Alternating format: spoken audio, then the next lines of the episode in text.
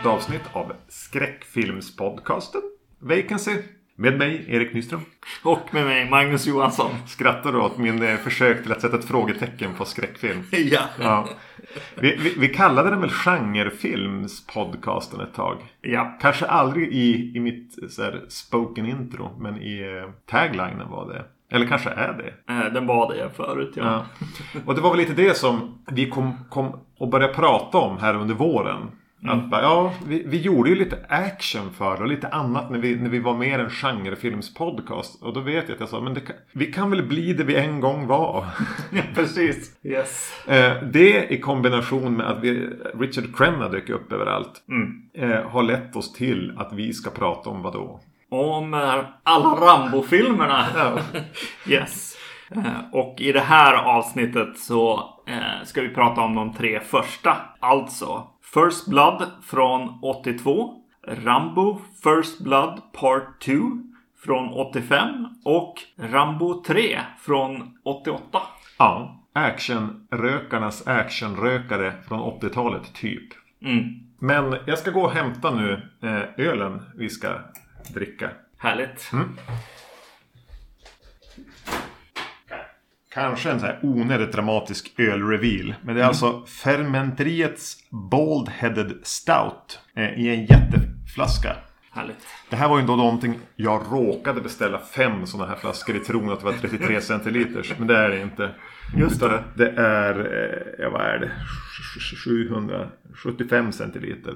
Och de var limited på något sätt så du har typ de flesta då? Jag har en procentandel helt klart. Nej men jag tror det var 400 flaskor eh, de gjorde. Jag har fem av dem. Eh, det är alltså en stout som sagt var.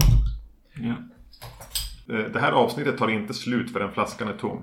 Nej, det lär nog bli ett långt avsnitt. Hur som helst. Jag har fyra flaskor till. Ja, det är bra. Nu har ju du varit on air tydlig med att du inte är någon sån stout-fantast. Nu sölar jag till och med på. Jag är färdigt med, med papper här framme också. Där har du. Nej, precis. Det är inget jag brukar köpa i alla fall. Jag brukar dricka det när jag är hos dig. Mm. Mm. Klassisk stout. Väldigt klassisk stoutig. Mm. Så det är lite chokladig, kaffeig. Mm. Ganska chokladig skulle jag säga. Ja. Det är inte riktigt det här man ska dricka så här i hög sommarvärme. Men fuck it. Yes. Rambo-filmerna ja. Vad, vad, din relation till dem? Vad, alltså, när såg du dem? Vilken plats har de haft i ditt filmliv? Jo, men vadå? Jag såg dem väl som barn liksom. Ja. Och eh, nej, alltså nu när jag ser om dem så inser jag ju att jag kan ju det mesta som händer i de här filmerna. Så jag har ju sett dem både en och, och två gånger. Eh, och eh, nej, men det var ju mycket actionfilm liksom. Jag har alltid trott mig mest vara sån här Arnold Schwarzenegger eh, puritan. Ja. Men jag inser när jag ser de här tre att vet du, Sylvester Stallone jobbade ju lite grann på ett annat sätt känns det som. Med de här eh, egentligen två serierna av filmer liksom. Som ju ändå, ja men var stora för de flesta. Ja. Under 80 och 90-talet. Med Rambo och Rocky. Men vad tänker du, hur jobbar han? Vad, vad är skillnaden mellan, men mellan jag Sylve- tänk- Stallone och Schwarzenegger? Jag tänker att vet du, det, är en, det är en Rambo-film. Det är en Rocky-film. Det är liksom karaktärernas namn som är det som, som kommer fram. Och det är också serier med många filmer i över, över den här, det här 80-talet. Liksom. Eh, medans eh, Arnold Schwarzeneggers filmer var ju mer one-offs. Ja. Eh. Arnold-filmer. Arnold-filmer, ja precis. Och då, då var det liksom Schwarzenegger, liksom. Att det stod det var att det blev en Arnold-film. Vilket gjorde ju att man kunde ju inte, alltså man kan ju inte riktigt så här Dutch och, Men vad de och vad heter heter. Matrix någonting han i, i kommando och så. Utan det var Arnold. Ja, på, på det sättet så byggde, byggde ju han en större mytos runt sig. För mig i alla fall tror jag. Eh, Schwarzenegger. Att det, det blev han som var den tuffaste och coolaste på något sätt. Ja, jag har ju alltid varit Team Arnold. Ja, Eh, men kanske framförallt för att det var de filmerna jag hamnade framför. För jag har inte någon sån här barndoms, tidig ungdomsrelation till Rambo. nej. Alls. Eh, ettan såg jag någon gång förmodligen. alltså senare delen av tonåren första gången. Rambo 2 och 3 i sin helhet i alla fall vet jag att jag har sett båda två en gång tidigare. Och det här var kanske 15 år sedan. Och då var det medvetet för att jag insåg jag har ingen koll på Rambo. och att jag förmodligen laddade ner och såg dem då. Sen kan jag, alltså att jag kände igen bitar av det och sådär. Nu har jag förmodligen sett kanske en halv film. Eller kanske sett, hade sett någon av dem någon gång på 90-talet. Men det är verkligen ingenting jag har en relation till. Jag har ju en starkare re- relation till Hot Shots 2. Ja. Än till någon av Rambo-filmerna. Ja, precis. Nej, men våran familj var väldigt mycket så här. Vi såg film tillsammans Ja. ehm, på, på helgerna och hy, gick och hyrde en film liksom eller två. Jag bara gissar. Du brukar reta mig kring de här actionrullarna och allting som finns nu för tiden också. Som du alltid har sett. Ja, precis. Och Har du, det- sett, har du sett Fast and the Furious 9? Nej, jag har inte sett den. Inte när vi spelar in det här. Nej, exakt. Eh, Men eh, det som är, är väl att så här, actionfilm på något sätt är allas medelpunkt på något sätt. Så här, ja, jag vill se tårdrypande drama eh, i vanliga fall. Eller jag vill se jättehemska eh, skräckfilmer eller vad det kan vara liksom.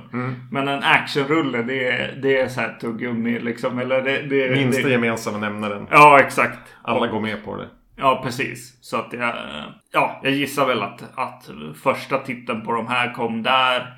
Och så sen var det ju kompisar som, som gillade actionfilm kanske mer än skräckfilm i, i, i vårat gäng också. Så jag såg väl, såg väl med dem också. Nej, så Rambo har nog följt med liksom. Och Rocky också.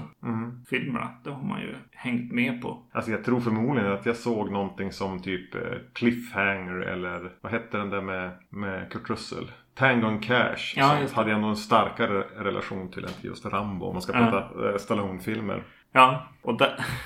Nej men precis. Och de såg man ju också. Ja, vi såg mycket actionfilm helt enkelt. Ja, jag är inte samma, samma action-fäbless som, som du eh, ha- har sen, sen de tidiga ungdomsåren. Mm. Jag såg ju hellre deckarna då. Just det. Nej, men jag tänker på...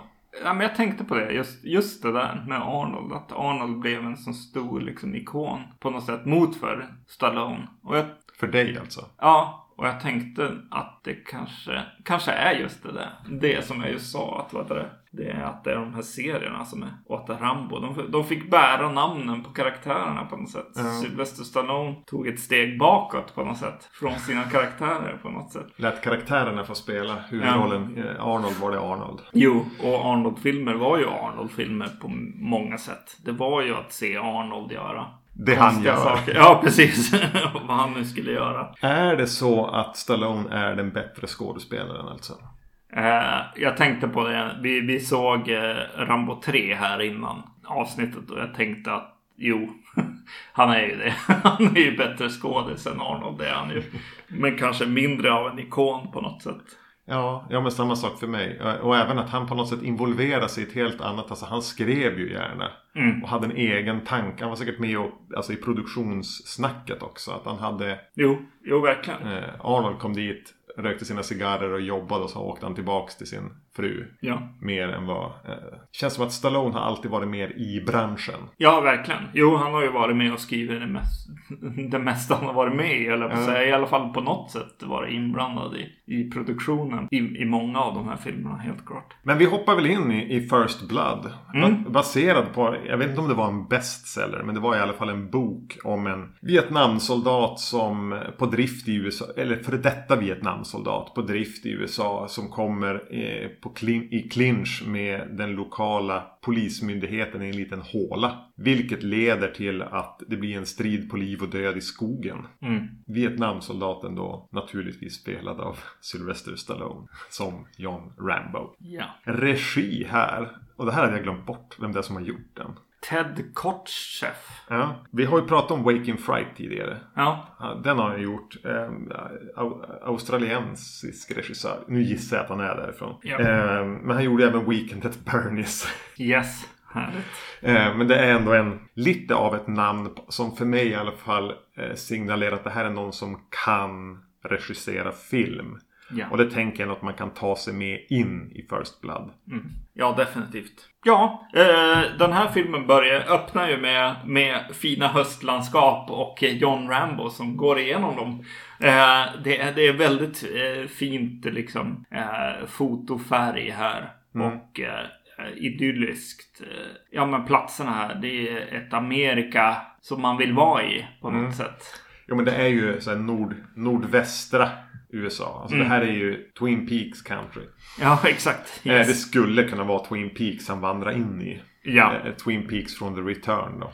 Ja, och eh, det, det understryks ju av att de, de har den här Twin Peaks-fonten. Ja. Eller fonten som Twin Peaks kommer använda senare. Ja verkligen. Jag tänkte, det, hade jag, det var ingenting jag hade registrerat sedan tidigare. Nej. Eh, Fast här är, är den eh, röd va? Ja, Med är- svart kant. Är det så? Ja, röd eller vit, äh, vit kant. Vit kant är Med vit röd, med röd eh, text, ja. Även eh, lite samma som då är i eh, När lammen tystnar. Just det. Och då är det en vit kant med svart i mitten tror jag. Ja, En sån bortglömd font. Vad heter den? ja jag, jag, jag vet inte. Men just det, just det där överlag att ha en, en kant kring, kring fonten är väl ganska ovanligt. Ja. Jo, det sticker ju ut som fan. Ja, och, och John Rambo går och ska hälsa på en, eh, sina soldatvänner verkar det som. Eh, I det här fallet får vi träffa, eh, ska han till en i alla fall. En, en gammal veteran från Vietnam. På något sätt som man har förstått det så är det typ den enda som fortfarande är vid liv.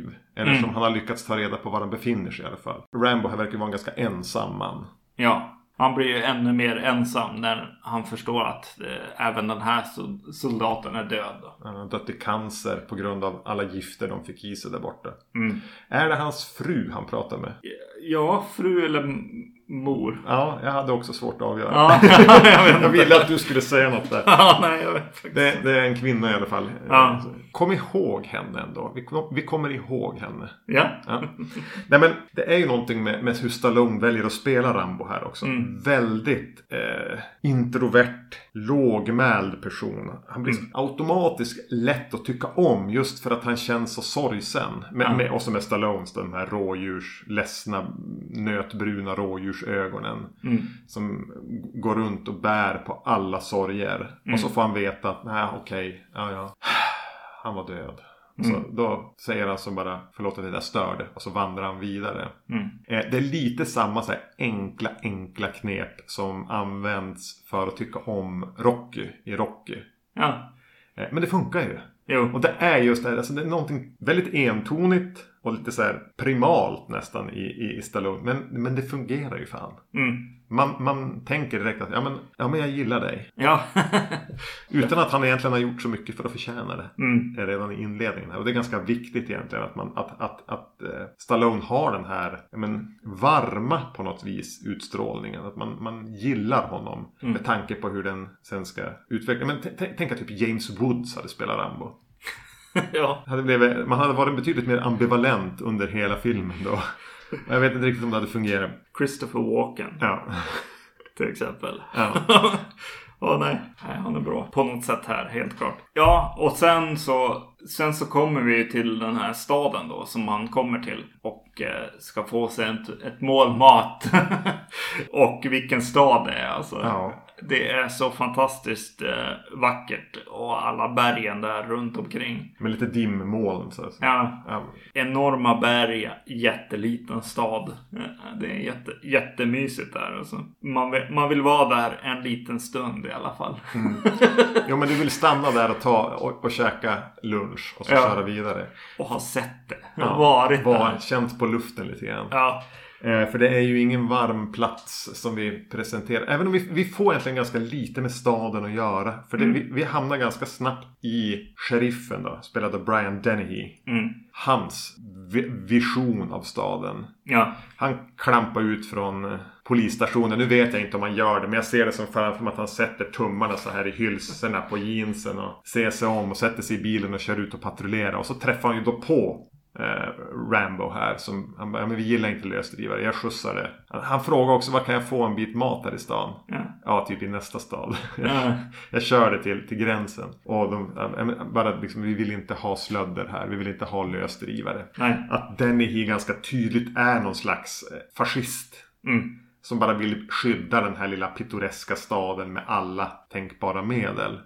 Jo, just att han vill, vill skydda den. Men han är ju också väldigt, väldigt otrevlig liksom. Eh, I det. Ja. Men definitivt. Nej, han är bra alltså. Han, är, han, är, han visar väldigt snabbt vem han är. Och, eh, eller ja, jag som tittar i alla fall hajar. jag vet vad det här är på något sätt. Det är en väldigt, väldigt snabb och bra setup. Mm. Ja, ja men och så, är det ju, och så är det ju Brian Denny. Mm. Och då... Det blir stabilt. Ja, det är svårt, svårt, svårt, att, svårt att gå fel. När Ja. du sätter han i den där rollen som... Den är ju väldigt viktig. Och jag blir heller aldrig riktigt klok på var filmen vill stå. Men det kanske vi kan återkomma till. Men, ja, men han vill hålla borta allt som stör idyllen. Mm. Men samtidigt när han sitter sen och pratar med, med, med Krennas karaktär Troutman så ger han ju som uttryck för ren blodtörst. Mm. På ett ganska empatiskt sätt. Ja. Alltså det kommer från, ja jag är jättebesviken. Det här känns jättejobbigt för mig. Alltså han är som tyngd av att han inte fick döda Rambo. Mm. På ett, och så är det i och med att det är Denny som bara, ja gud vad jobbigt. Alltså man, som, man köper ju in i hans känsloläge. Vilket Ja. gör att det blir lite märkligt var, var man hamnar med, med sympatier. Och, ja. är ganska trevligt.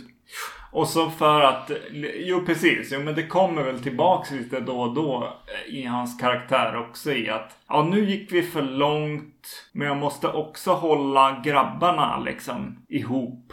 Och jag måste vara chef fortfarande och hålla ihop det här liksom. Annars faller allting isär. Och jag är ändå lagen. Ja, exakt.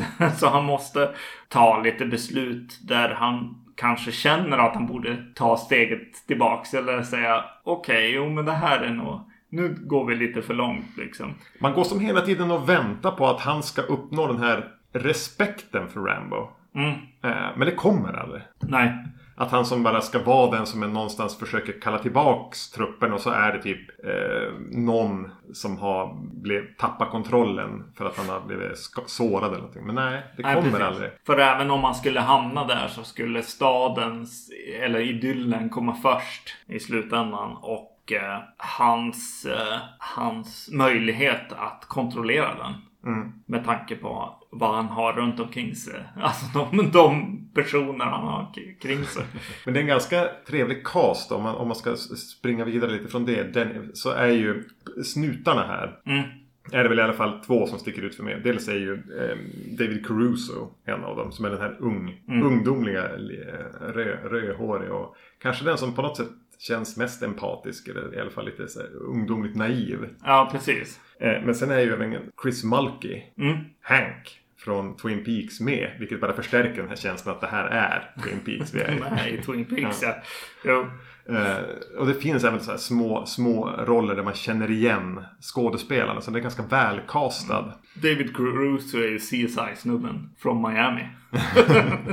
det är roligt att se de här unga också och försöka. Och båda de skådespelarna tar ju platsen också. De försöker ju vara där med Brian Denny och ja, Sylvester Stallone kanske då. Men Brian Den, eh, Denny eh, definitivt. De vill synas, de här skådespelarna på något sätt. Ja, jag gillar David Carusos karaktär här också. Där han har den här eh, unga ta- tanken kanske. Lite mer idealistiskt lagd. Ja, precis. Mm. Eh, jo men det är som att den är välkastad i det att de har hittat skådisar som verkligen vill fram. Mm. Eh, Eller om det är Kotchefs regi som är ganska eh, smart eller lyhörd där hur han väljer att fånga upp alla skådisar. Och, och att de alla vill sätta sitt intryck här. Och det gör ju, det förhöjer ju. Nej, men han tar sig in där till eh, polisstationen och eh, får de här övergreppen mot sig på något sätt. Eh, Det är något som man som jag minns mycket från jag, jag var liten. Framförallt eh, brandslangstvättningen av han. Mm.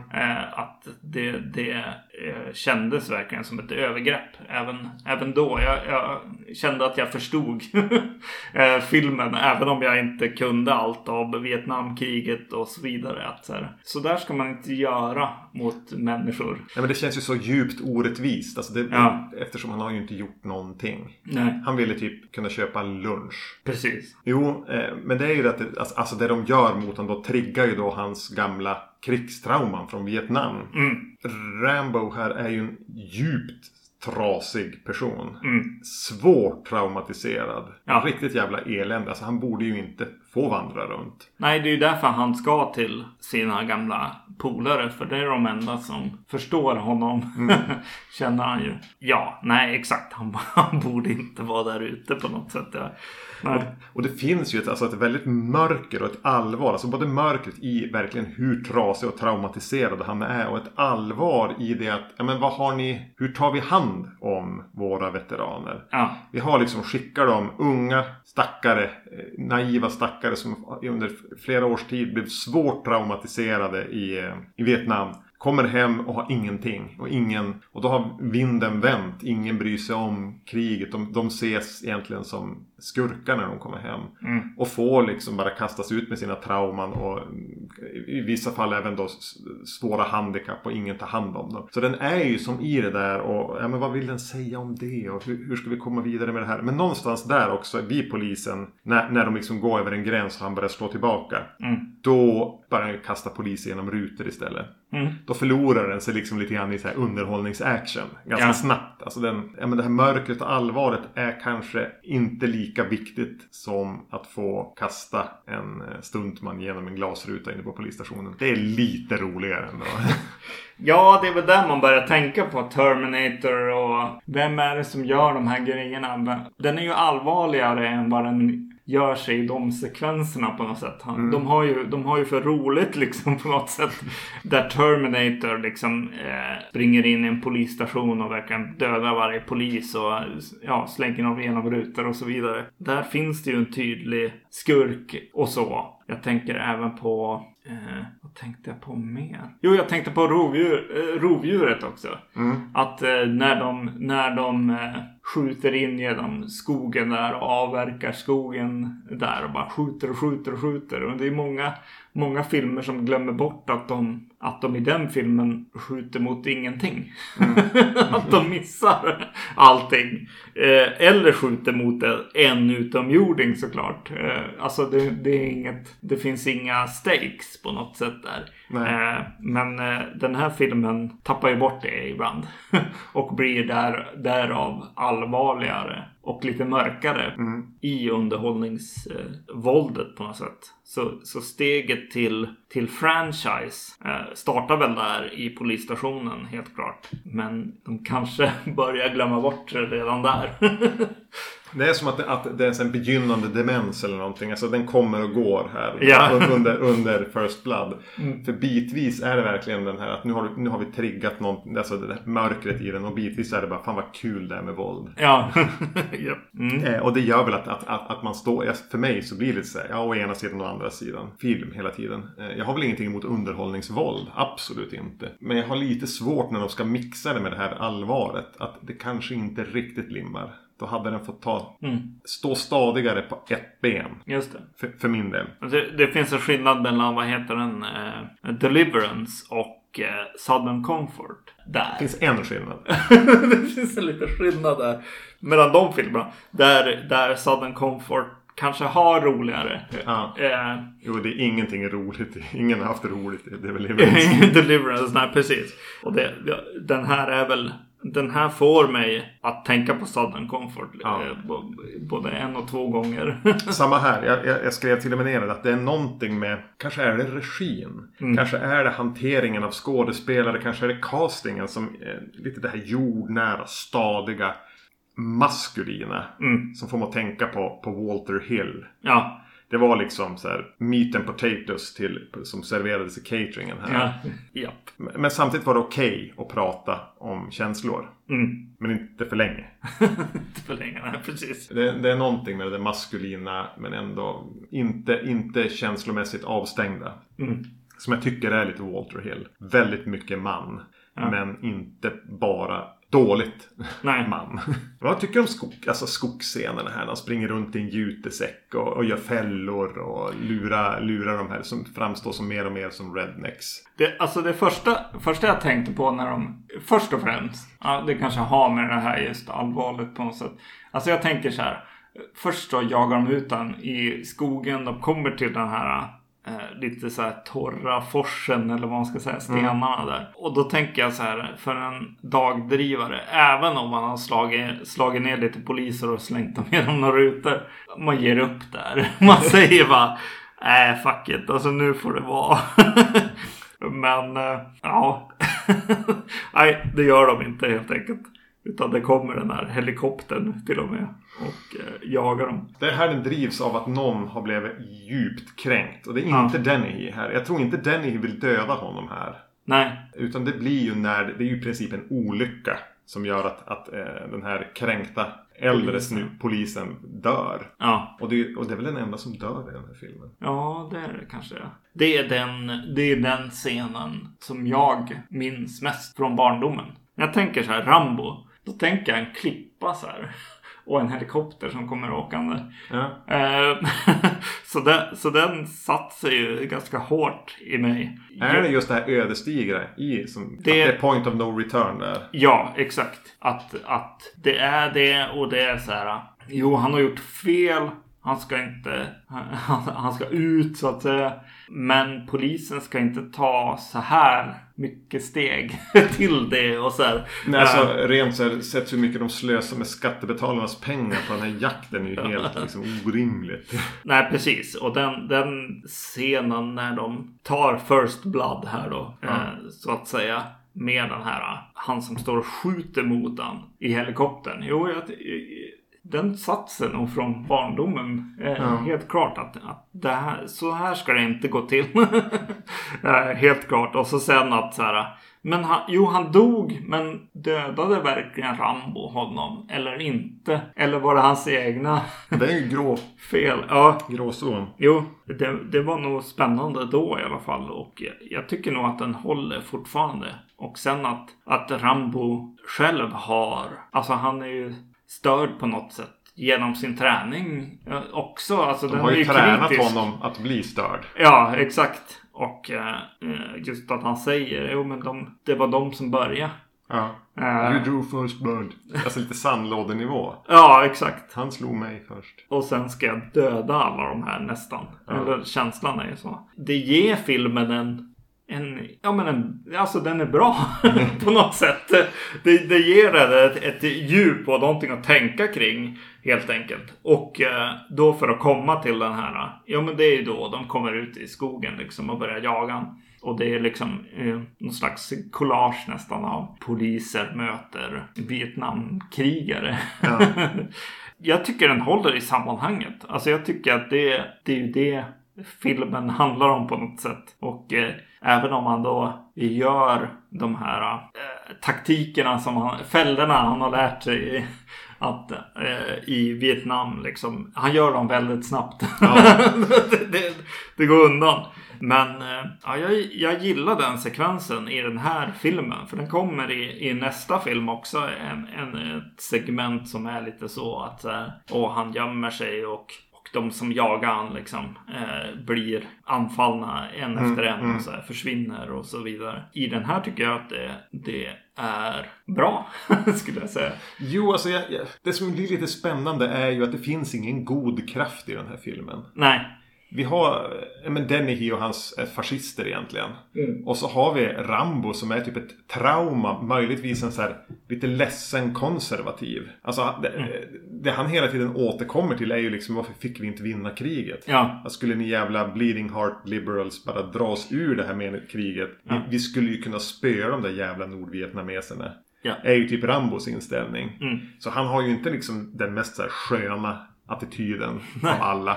Vilket är fullt begripligt med vad han har varit med om. Eh, men det blir också så här att ja, men ingen här är ju någon jag skulle vilja liksom gå ut och dricka öl med. Nej. Och, och, och i det där att det är, får vara lite komplicerat, det får vara lite mörkt, det får finnas ett allvar. Men jag, jag gillar det. Mm. Jag blir lite trött av fascinationen för action. Det blir som jag sa redan tidigare. Det blir lite för roligt att kasta en polis genom en ruta. Han måste sätta, göra en sån här stor brandbombsexplosion av en bensinmack. OSV. Mm. Jag, jag, jag tror att den för mig hade varit bättre som en standalone film. Om man hade vridit ner det där lite grann. Att det hade kunnat få vara lite mer lågmält. Men han blir ganska snabbt oövervinnerlig. Som gör vad han vill med de här. Eh, och där, där tycker jag inte riktigt att det liksom kuggar i fullt ut. Vilket hindrar den för mig att bli så bra på riktigt. Utan att ja, men det här är ju en rätt schysst film. Det säger jag ingenting om. Mm. Men det finns, det finns gniss, gnissel i det. Ja, precis. Ja, det är väl där Sou- Southern Comfort och Deliverance skillnaden är på Ja, något sätt. ja. Att eh, Southern Comfort är, är bra men kommer inte hela vägen dit. Men jag tycker att det är, det är så pass coolt att den är i gråzoner hela tiden och eh, att politiken eller vad man ska säga, eh, alltså hela så här toxic masculinity, liksom alla som har en åsikt som är positiv är också negativ i filmen på något sätt. Eh, och trau- eh, alltså Colonel eh, Troutman kommer in också som en, han som har tränat upp eh, Rambo och han kommer in som den neutrala, liksom någon slags frisk syn på världen på något sätt här. Och eh, det är han ju inte. Nej, nej verkligen inte. Men, ja, men först då som du säger, liksom, det är alltså reaktionära Ja. versus fascister. Ja. Eh, Så det är jättesvårt att, att heja på någon här. Ja. Men, men, men jag tycker det är spännande. Va- Vad, vad fan tillför Troutman här? Ja. Va, va, vad ska han göra? Han kommer ju bara in och står där i sin uniform och, och, och, och säger olika versioner på Nej, nej, ni tror att ni jagar honom. Men det är minsann han som jagar er. Ja. Gör inte det här, ni kommer att få ångra det. Sluta bara kriga, annars tar han kriget. Alltså bla bla bla, olika så citatvänliga floskler. Ja. Varför kommer han ens dit? Ja. Va- vad ska han göra det för? Alltså jag stör mig lite grann på Troutman. Gör någonting då. Gå ut med en megafon. I, eller så här, ge dig själv ut i skogen. Du vet hur han tänker. Du kan säkert spåra upp honom eller någonting. Nej, han är ju bara där för att bara pissa på Brian Denny. Ja, precis. Jo, jo, han är ju där för att säga att det här är väl inte särskilt Alltså ni är så bra jävla, alltså. ni är så jävla dumma. Ja. Ni är så jävla dumma. Ja. Vad var det jag sa? Vad var det jag sa? Precis. Så jag, stör, jag stör mig lite på Troutman. Att de ens bara bryr sig. Vem har brytt sig om att flyga dit han? Vad går? Du hjälper ingen här. Nej, och det måste ligga. Jag tänker att det ligger någonting i att vi är de vi är. Alltså jag, jag tror att han ska vara någon så här uh, Voice the of reason. voice of reason i den här filmen. Och att vi inte riktigt förstår det. För att det är en, det är en amerikansk, eh, någon slags amerikansk voice, eh, militärisk voice of reason. Där det är okej att göra så här med soldater och, och träna upp soldater på det här viset och så För vidare. det tjänar ett högre syfte. Som Ja. är eh, vad... Patriotiskt. Tyst. Ja. Någonting. Ja, ja, ja nej. nej. Nej, han är, han är svår på något sätt. Men han sätter ju dit den är ju helt klart att så här, ja men vad, vad håller ni på med då? Och den är ju bara gräver och gräver. mer och mer sin egen grav på något Ja. sätt. Bara, Ja men han, han kastar oss ju genom en glasruta ju. Ni ska vara glada att det Okej, bara var en men- glasruta han kastade. Ja. Ja, men är inte ni polisen då? Jo, det är vi ju, men... men polisen då? Är det bra? Nej, jag vet inte. Jag har ett barndomsminne som jag vill komma nu när vi så wrap it up. Och det är att jag måste ha sett åtminstone delar av, av Rambo när jag var ganska liten. För just slut, har jag en, eh, slut, monologen han har här när allt är över och, och Rambo bryter ihop typ.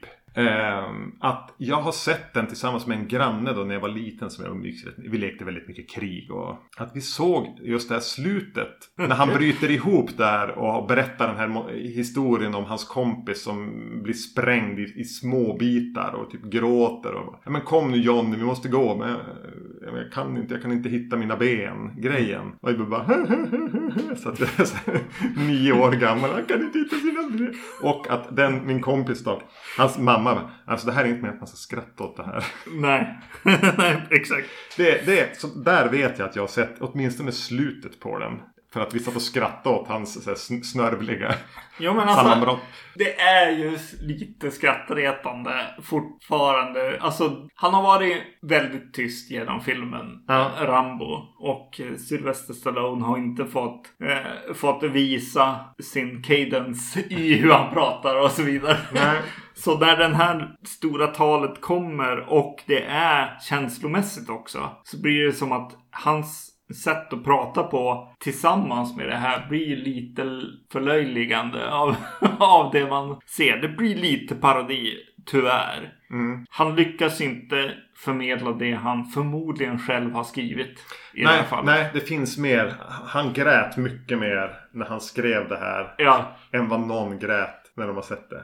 Ja, eh, något jag bara vill kommentera på bara för att eh, hålla kvar lite i den här filmen. Det är ju att jag, jag gillar hur den är. Den försöker vara verklig, den här filmen. eh, han hamnar i en eh, grotta, vad heter det, i en, i en gammal Gruva. gruva och eh, smyger omkring och har en fackla som han har gjort eh, med tyg och, och ja men eld bara. Just att han, han stannar till i en se- sekvens och fyller på tyget. Mm, jag minns det. Det tycker jag är bra regi eller världsbygge på något sätt. Det, det blir verkligare det som händer. Och att eh, kulor tar slut också såklart i den här filmen. Eh, mot för kanske eh, framtida Rambo-filmer. Eh, är viktigt för eh, tyngden i, i filmen. Vad den vill, vill säga. Vad nu det är. Det den vill säga är kanske lite jobbigt också.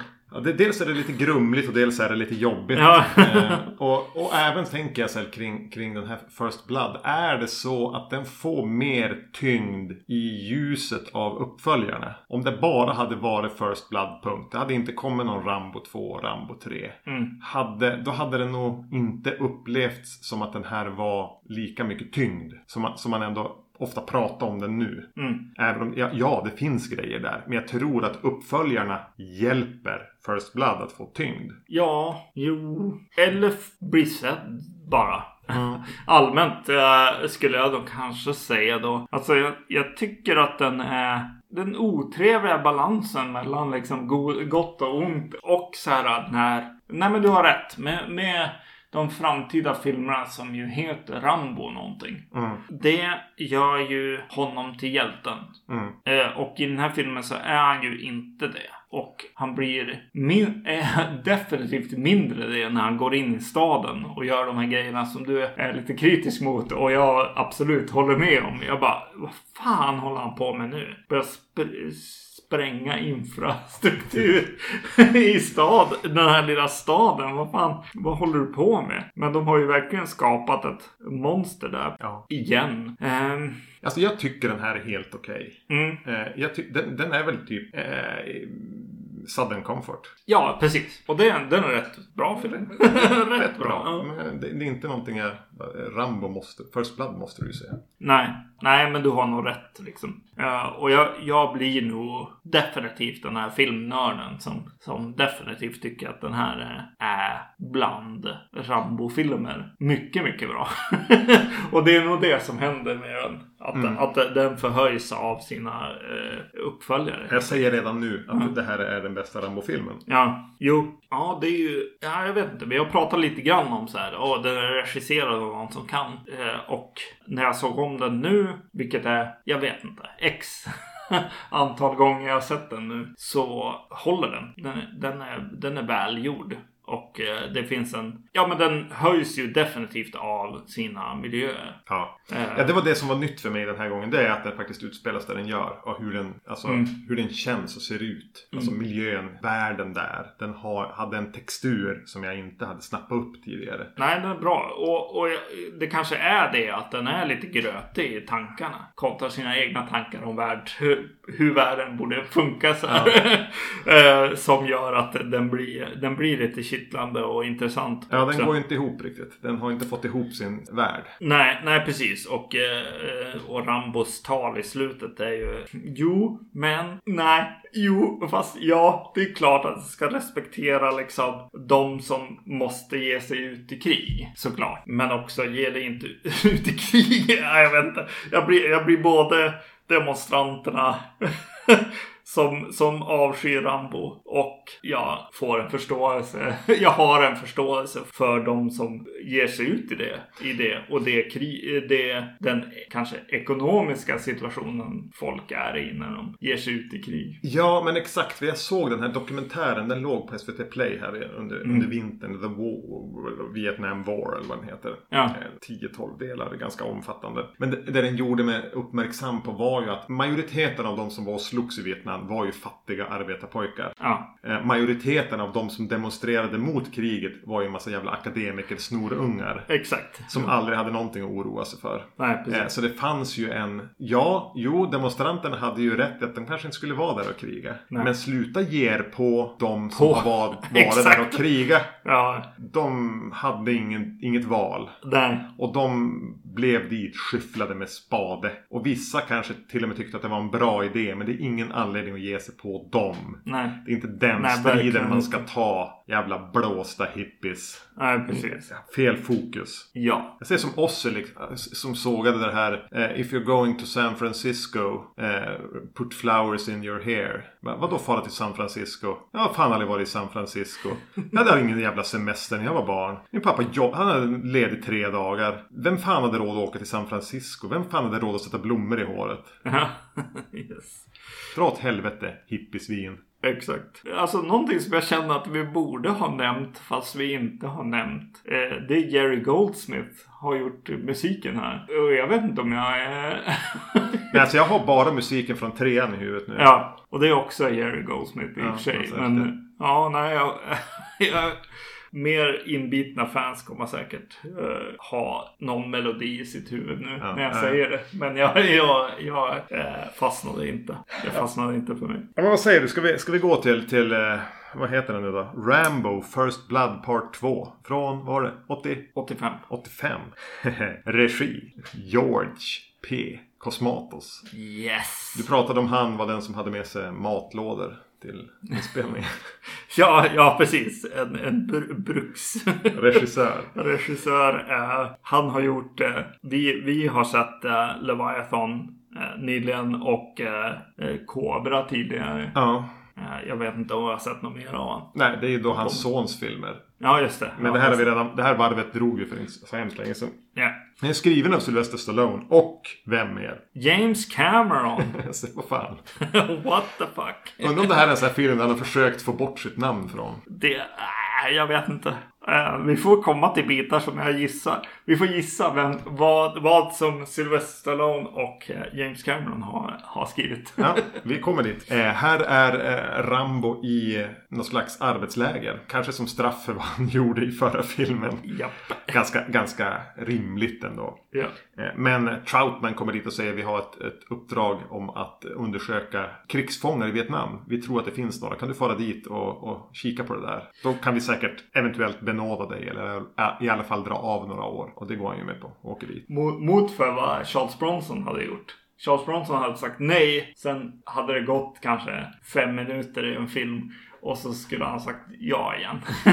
och ångra sig. Men det är någonting med, med, med den Rambo som jag träffat. Liksom, varför skulle han vilja tillbaka dit? För jag Ja. tycker den, den, den John Rambo vi träffade där som är och typ bara slår sönder stenar med en klubba eller vad han gör. Ja. Och när vi ser honom första gången. Ja men det här är ju samma person som jag träffade tre år tidigare. Mm. Den här sorgsna, introverta. Bara, låt mig, ni har svikit mig, låt mig bara vara. Mm. Och så går han med på det här. Ja. Jo, det är väldigt snabbt alltså. Jag, jag, Jag köper inte riktigt det. Nej, Men, men eh, sen ska vi bara till Vietnam. Det, det viktiga för Sylvester Stallones Rambo här är Do we get to win this time? Ja just det. Nu får han kriga klart. Ja. Nu ska han utplåna hela jävla Nordvietnam. ja. Och de där sovjetiska kommunistsvinen som är där och, och hjälper dem att hålla amerikanska krigsfångar och flytta runt dem av någon jävla anledning. Och jag tycker inte att det är riktigt samma. som du säger lite grann. Det känns inte riktigt som samma. Utan kan vi få återvända som hjältar den här gången? Ja. Det hade kanske. Kan vi bara få ett uns av respekt Ja, någon typ gången. av respekt. Ja. Liksom. Ja. Men, men det är ju någonting med att... Du säger att du vill ha mer öl. ja, jag vill ha mer öl. Mm. Du som dricker stouten som vore det vichyvatten. Nej, vichyvatten dricker man inte speciellt. Det, är- Det är jättehemskt. det är som en kopp kaffe. Eh, ja, nu blev det så här. Ja, det blev så här. Ni får gissa hur det blev.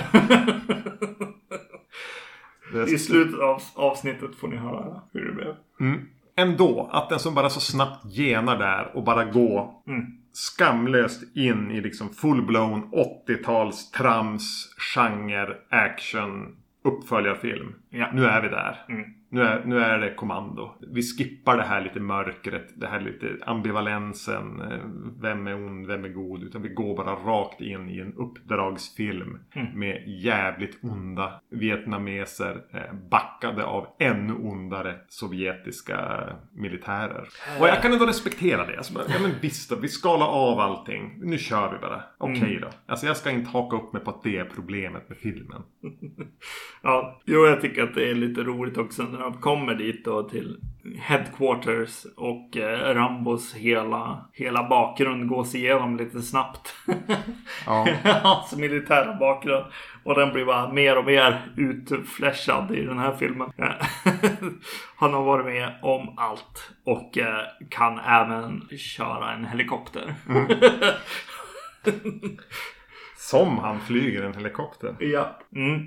Men här, här dyker det upp en karaktär här som spelas av, eh, vad heter han, Charles Napier. Mm. Han heter alltså Murdoch Marshall.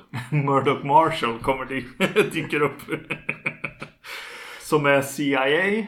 Ja, vi säger så. Eh, han re- representerar CIA och eh, den här nya sättet att eh, kriga på som är, är byggt på i, i, intelligence och eh, teknologi. Och här tänker jag att James Cameron har kommit in och skrivit vad han vill skriva om. Eh, för det blir, blir en liten, liten så här challenge inför filmen. Teknologi versus the human mind. Eh, lite så känns det som. Och, och eh, där Sylvester Stallone eh, representerar en typ av muskler eller liksom intelligens. Medan då CIA och deras datorer representerar en annan. Och det känns som att filmen redan har valt sida här. Ja, men redan när man får se Charles Napier. Ja, och även i det att eh, jag förstår inte riktigt vad den här teknologin används till och hur bra den är och vad den skulle kunna göra istället för att de har en massa datorer där i något läger. Ja. I Kam- vart de nu är, Kambodja eller någonting. Eh, vad de gör, vad, de, vad någonting här är. Det, det är mycket som höljs lite i dunkel. mm, Charles, jag tänkte hela tiden på Lloyd Bridges i, i eh, jag vet inte, tittar vi flyger eller, eller Hot Shots-filmerna på, Mm. med, med Charles Napier här. Alltså han, eh, jag har svårt att ta alltså han känns som en, en eller en A-Teams skurk ska vi säga. Ja, precis. Jo, där, där Richard eh, Crenna känns som att han nog var del i The A-Team. Ja. han kanske var den där ledaren. Var han kanske det? Jo, nej, men det måste jag säga så här, direkt ut här att jag tycker att Richard Crennas Troutman fungerar mycket bättre här. ja. Eh, Jag hade svårt att placera in, jag tyckte han bara var störig när han skulle stå och varna eh, Dennehy för, för, för hur farlig Rambo var. Det var Jo, han men gjorde. han håller på korten på ett jävligt otrevligt sätt. Liksom på något sätt Ja. den. Här är han enklare. Här är han ju mer i, i som du säger, här är han mer en A-team. Mm. Det blir enklare för mig. Jag behöver inte, jag behöver inte vara, känna två känslor samtidigt här. Här är det så tydligt. För mig fungerade det bättre. Jag störde mig inte lika mycket på, på Trumpman. Nej. Ja men du, det, det, Napier är en lite underhållande skurk. Lite underhållande, han är inte jätteunderhållande. Men vi har även Martin Cove, alltså Cobra Kais ledare. eh, Är ju någon militär henchman. Och de är två stycken, men jag har inte riktigt förstått vem den andra är. Han med solglasögon som ser lite grann ut som Bonnie Prince Billy. Ja. Eh, det är typ två sådana som är då Napiers sidekicks. Eh, som mest bara trampar runt i basen där. Jag gillar ändå de två. Ja. Så en, återigen A-Team-skurkarna. Men framförallt scenen när de ska släppa ner, så här, airdroppa eh, Rambo till i, på fiende territorier och han typ klantas och fastnar i helikoptern. Alltså vad fan han? Fastnar med fallskärmen i helikoptern eller vad han gör. Och den här Bonnie Prince Billy-killen står och försöker skära loss honom och sånt där. Eh, jag gillade den scenen. Men den handlar ju egentligen bara om att teknologin måste skalas bort. Ja. Den fastnar i helikoptern. Men det blir lite lökigt att han alltså, kan inte ens göra ett, fallskärmshopp. Var inte du bäst? Nej. Nej, de är ju riktigt snabba här alltså, måste jag säga också. Ja, men det är väl det att här, varför tackar han ja? Alltså tiden som det går från att Rambo är i fängelse till att eh, Rambo är i djungeln. det är ju jävla... Eh, Sju minuter kanske? Det är tajt här. Alltså det, det går undan. Och fem av de minuterna hänger han fast där i planet och Bonnie Prince Billy försöker skära loss honom. Ja, ja. Något jag la märke till i det här lä- eh, amerikanska lägret också. Det är ju att eh, det kanske är bara för att jag är en junkie. Men, men Coca-Cola-maskinen är väldigt framträdande i den där basen. Eh, och jag tror i slutändan att det är ett sätt för regissören att klippa fram och tillbaka till så här. Och nu, nu är vi i fiendeterritorien med Rambo. Och nu är vi tillbaks i basen. Och då, då används Coca-Cola-maskinen som en övergång. Jag tror inte det har någonting att göra med pengar från Coca-Cola eller så. Jo, det är klart att det, att det förmodligen är, är pr- produktplacering. Eller då att, att någon har varit fyndig och sett det som en amerikansk symbol. Istället för en amerikansk flagga så har de lagt Coca-Cola-maskinen. Är det James Ja. Cameron som har... Ja, det är det Det är det ju. Såklart. Där har han varit fram. knapprar lite grann på sin lilla skrivmaskin. Ja. Yes. Men så ska ju de möta upp här i Vietnam med, med, med, med några, men de har ju alltid lyckats pla, placera några spioner där. Alltså friendlies. Och det är en kvinna den här gången. Och hon presenterar han för några slags flodpirater. Som man ska Ja. Ha hjälp av för att komma närmare det här. Ta längs floden för att komma närmare de här lägren. Det verkar som flytta runt lägren och hålla på. Jag gillar flodpiratsidén. Mm. Jag tycker det är synd att han inte stannar längre med flodpiraterna. Just det. Det är någonting med den där med JMB-kartongen ombord på båten. Yes. Eh, som är, är lite tilltalande. Ja, men den sekvensen kräver ju också att, eh, att Sylvester Stallone får prata om sin karaktär lite för mycket, känner jag.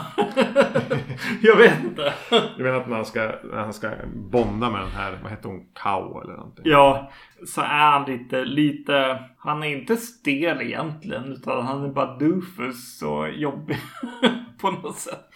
På ett annat sätt än Arnold skulle vara. det, det känns som att han, han försöker skådespela. eh, Lite mjukare. Alltså det här lite Mjukare. rocky skådespelet när han sitter och pratar med sin sköldpadda typ. Ja, Mm. och jag vet inte om jag vill ha det i Rambo. Det är nog det kanske. Det blir lite pinsamt. Eh, han är lite för charmig där kanske. Han håller som tillbaks den här naturliga Stallone-charmen där. Mm. Ja, och så, och så just att de då börjar förstå vad Rambo är för någonting. Att det redan har blivit kult på något sätt. Alltså i First Blood måste ha gått rätt bra. För de, de vet när de skriver manuset att kniven, Rambo-kniven. Rambo-kniven finns och är en grej. Och eh, han, han uttrycker ju det att någon typ av, jag kommer inte ihåg exakt vad han pratade om, men någon trygghet fanns i, i kniven i alla fall Ja. för honom. Det var lite pinsamt. Jo men det här är en karaktär så, så fort du försöker utveckla Rambo-karaktären Mm. så blir det ganska fort pinsamt. ja. Särskilt när du gör det i en sån här dum action-kontext. Ja. Då hade det varit bättre om det hade varit då typ Dutch. Mm. Som hade tänt en cigarr. Våldtagit den här karln. Ja, i princip. Det jag ändå känner så här från, för jag, för jag är ju liksom, ja jag gillar första filmen mest. Så kan jag ändå tycka att det är väldigt skönt så här att Rambo fortfarande är en lite så här stealthy karaktär. Det är mycket, mycket eh, smyga i skuggorna och inte så full out action i den här starten när han faktiskt kommer till det här lägret och ska hitta, eh, hitta de här um, fångarna. Och då, då är det liksom mitt i natten och han smyger runt och är under liksom under hyddor och tittar upp i dem och så vidare och liksom smyger runt och, och, och jag får jag får se lite hur Rambo klarade sig i Vietnam Ja. originally. Jag tycker att det är en trevlig sekvens egentligen. Och att han lyckas plocka ut en fånge där som är typ korsfäst nästan på ett kryss. Ja, så. exakt. Man vet att Templars är på väg fram och ska dräpa honom.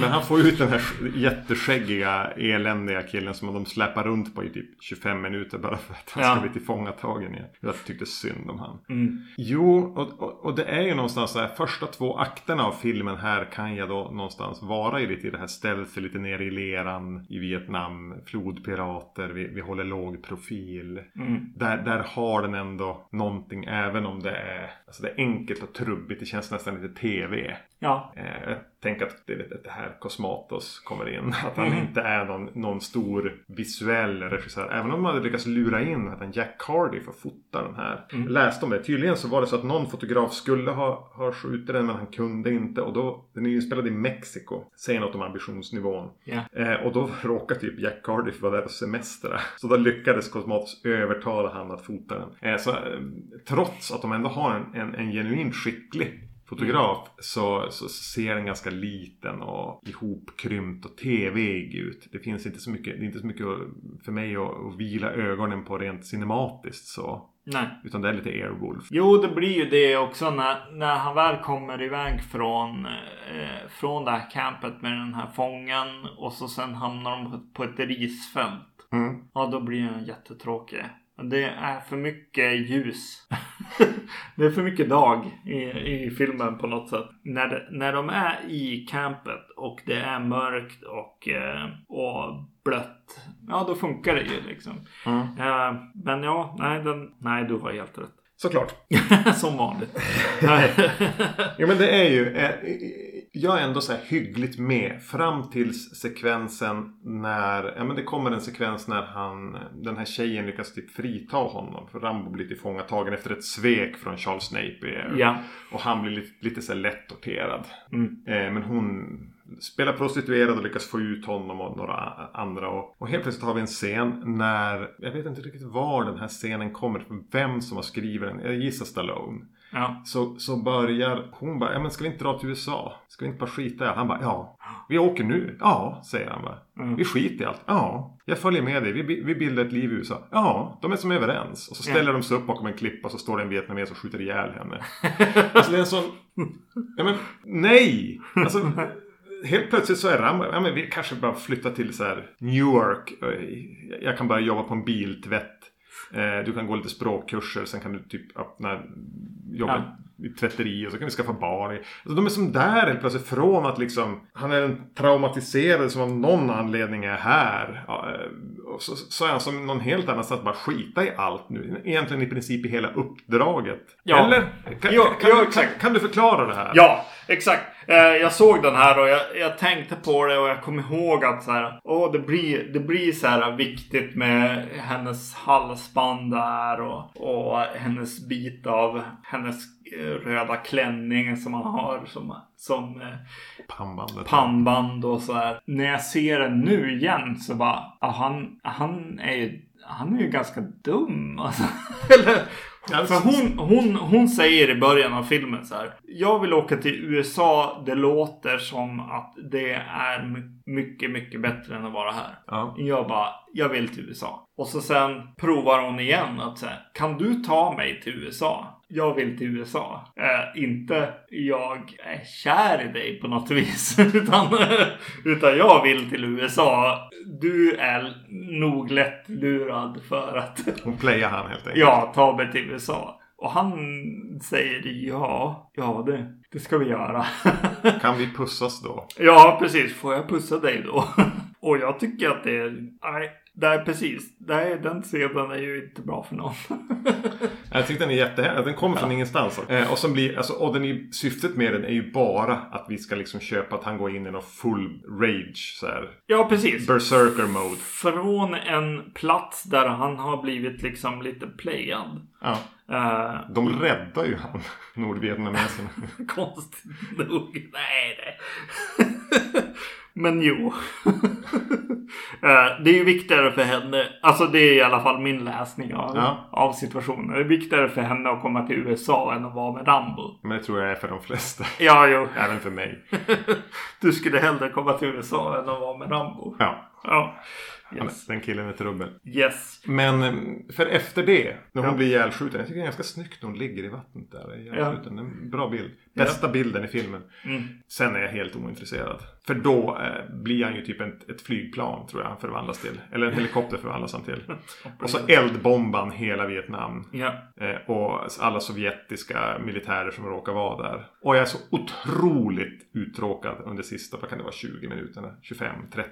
Sista akten i alla fall. Mm. Och de har ju redan gjort eh, eh, First Blood sektionen. De har ju visat Rambo smygig och eh, liksom slug. Men de gör en till, ett till collage av det vid något tillfälle. Och jag verkligen bara, det här måste ni ta bort. Är det med de här blod... Det är nog blodspår han följer. Ja, jag bara, men det här är så jävla tråkigt. ja, jo de är och döda folk och en ganska klassisk scen egentligen där han har kladdat in sig i lera och står mot en, mot en stock eller någonting och kommer ut och dödar någon.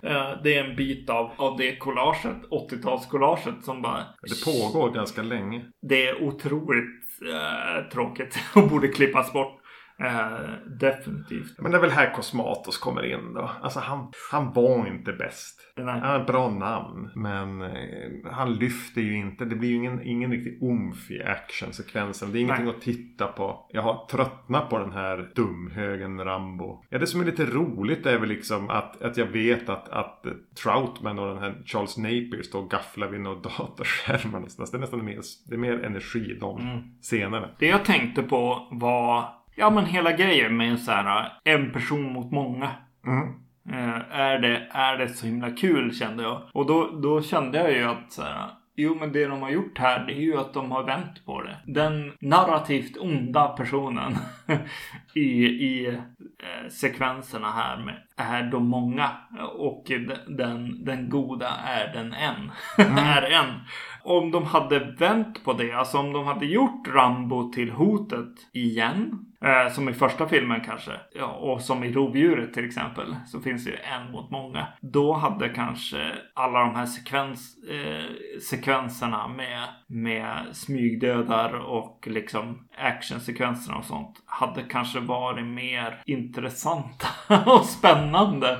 Än om... Ja, Jag förstår vad du menar. Det blir ganska tröttsamt att se han bara alltså, följa Jason avpolitera folk. Ja, följa Jason och sätta han i en helikopter. En stridshelikopter och skjuta sönder allting. Ja. Eh, Det blir ju, alltså, vi är en skräckfilmspodcast, jag vet inte. Men jag, jag höll på att säga ordet osmaklig.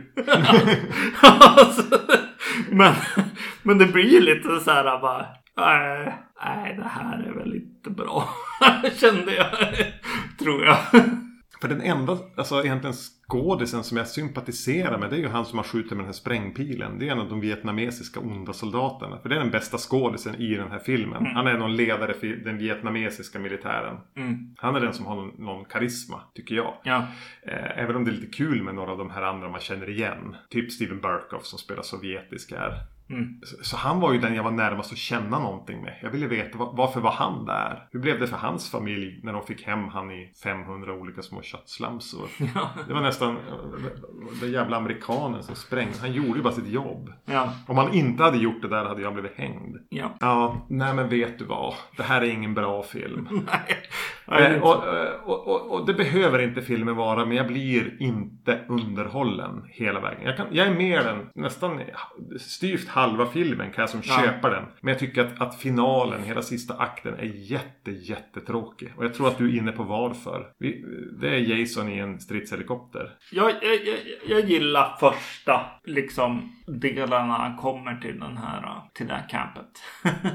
och, eh, och smyger runt. Eh, för då känner jag igen Rambo på något sätt. Sen gör jag det, gör jag det inte. Och så tänker jag så här. Eh, jag satt mest och så här eh, checkade av så här. Okej, nu gör de en uppföljare. Vad, vad är Rambo tänker jag? Att de har någon gång satt sig och i alla fall eh, Stallone. Eh, James Cameron har fokuserat väldigt mycket på att så här, maskinen mot människan. som vanligt. Ja, och eh, ja, precis. Skrivit, skrivit dialoger som You're just a tool. We're the machine. Och sånt. Medan Stallone har, har tänkt på en franchise och varit så här bara Ja, det ska vara kniv.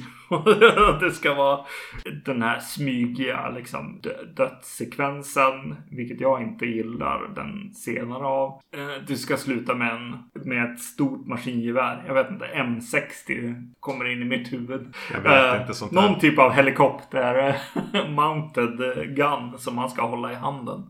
Det, det är viktigt att det slutar med det. Filmerna. Ja, jag vet inte. Nej, nej, jag, är nästan med den. Jag är nästan med den en stund. Eh, som du säger, ja, halva filmen nästan.